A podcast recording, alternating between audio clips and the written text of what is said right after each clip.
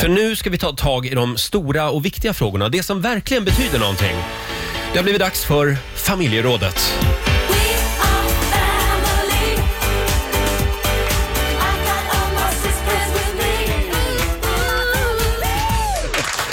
Just det, och vi har ju vår egen relationsexpert eh, Gert Fylking med oss. Ja.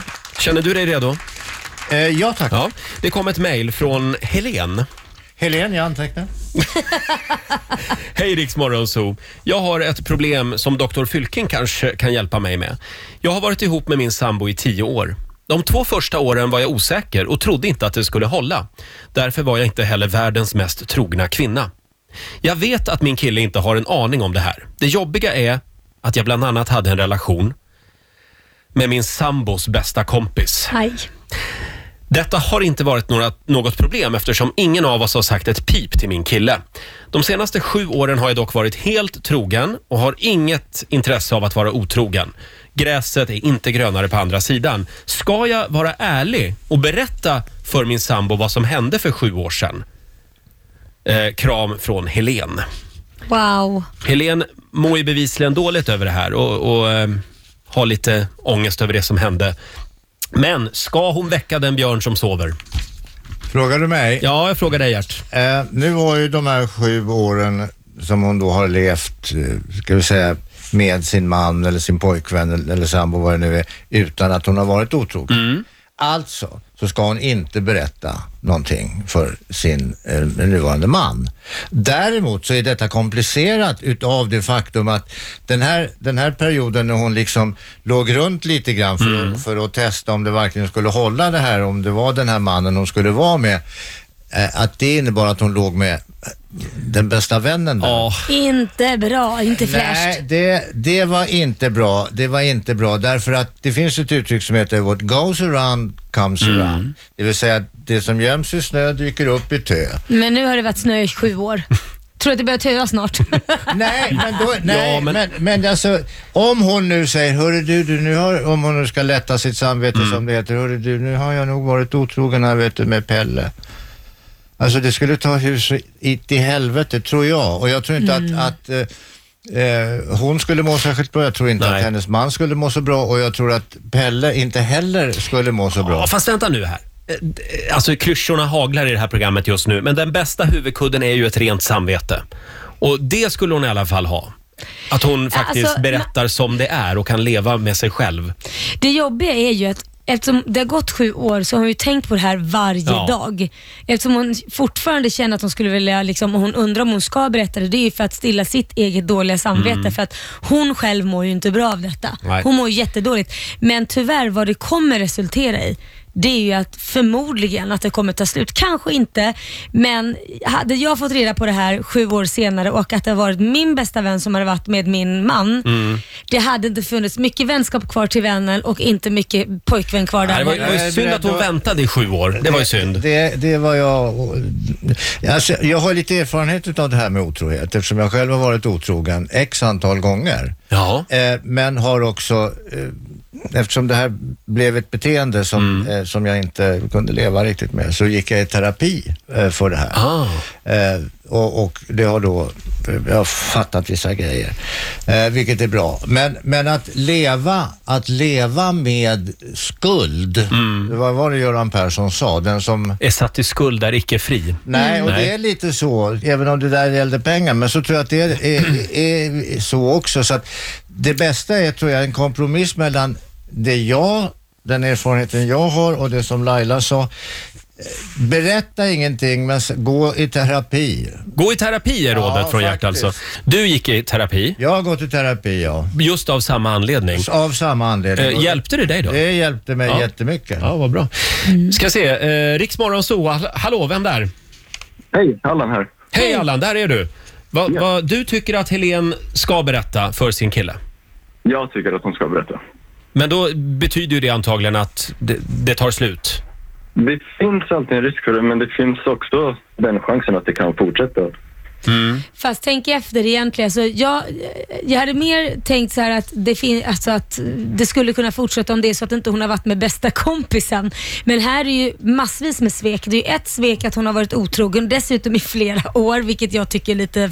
Då, det är väldigt dåligt. Man kan bestämma sig efter ett halvår kan jag tycka. Laila tycker alltså inte att Helene ska berätta. Nej, jag, Nej. Jag, så här, jag är delad. Hade hon varit min vän hade jag sagt du berättar inte för han kommer göra slut med dig för det är så många olika svek. Ett är att du varit otrogen, två med hans bästa vän. Mm. Så det är väldigt många olika svek. Men hade det varit jag som råkat ut för detta så skulle jag absolut vilja att personen berättade. Ja, jag, hade nog, jag är nog på din linje Allan. Jag tycker också att hon ska berätta och sen så får hon räkna med att det kanske tar slut eller att det blir en paus.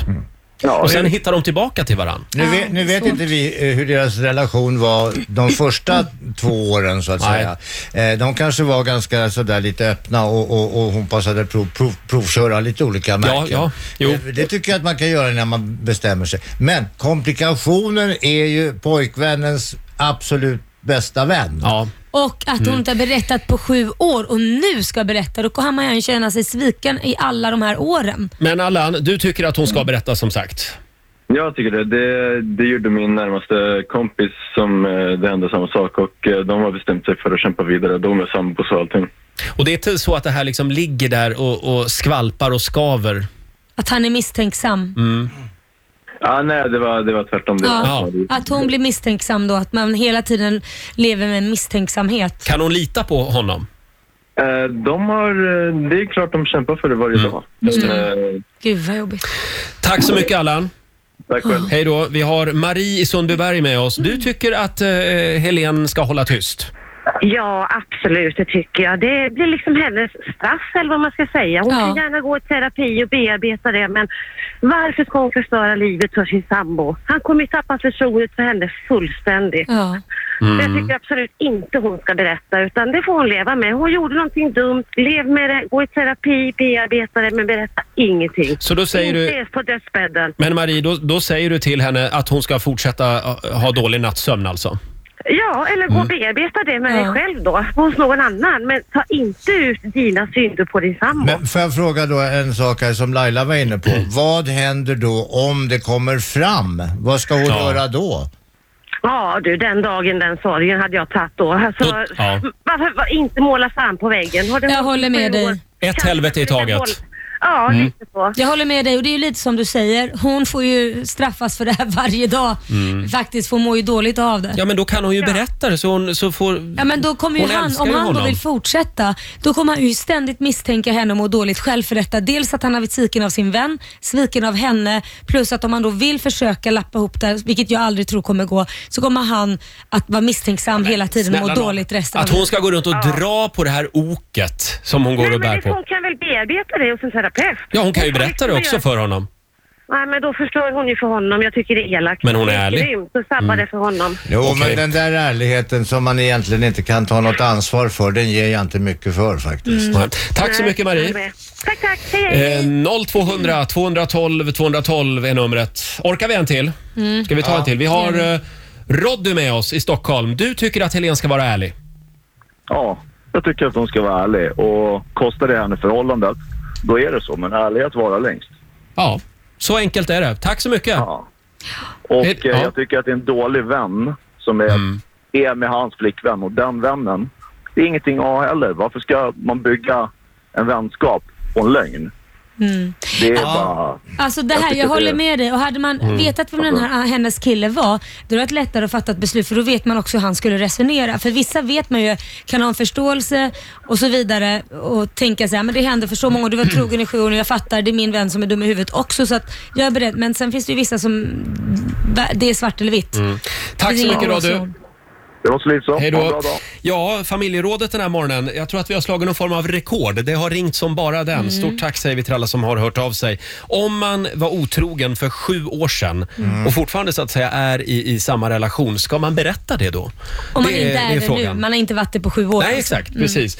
Eh, Erik eh, hade en spännande rubrik där eh, som Ja. vi hittade på nätet. Det, vi har faktiskt fått in den ifrån en eh, lyssnare. Eh, den är från 2011 den här rubriken. Men 99-åring skiljer sig från sin fru sedan han fått reda på att hon varit otrogen för över 60 år sedan. Aj då. Han hade hittat, gått igenom lite gamla brev när han höll på att rensa och så hittade han kärleksbrev. Ja. Och hans 96-åriga Puma eh, erkände då att de Ja. hade haft en Och det hade gått på 60 år. 40-talet. Ja, gammal kärlek rostar inte, eller också Eller så gör den det. rostar den sönder till slut. Det blev Ja. skilsmässa i alla fall. Ja.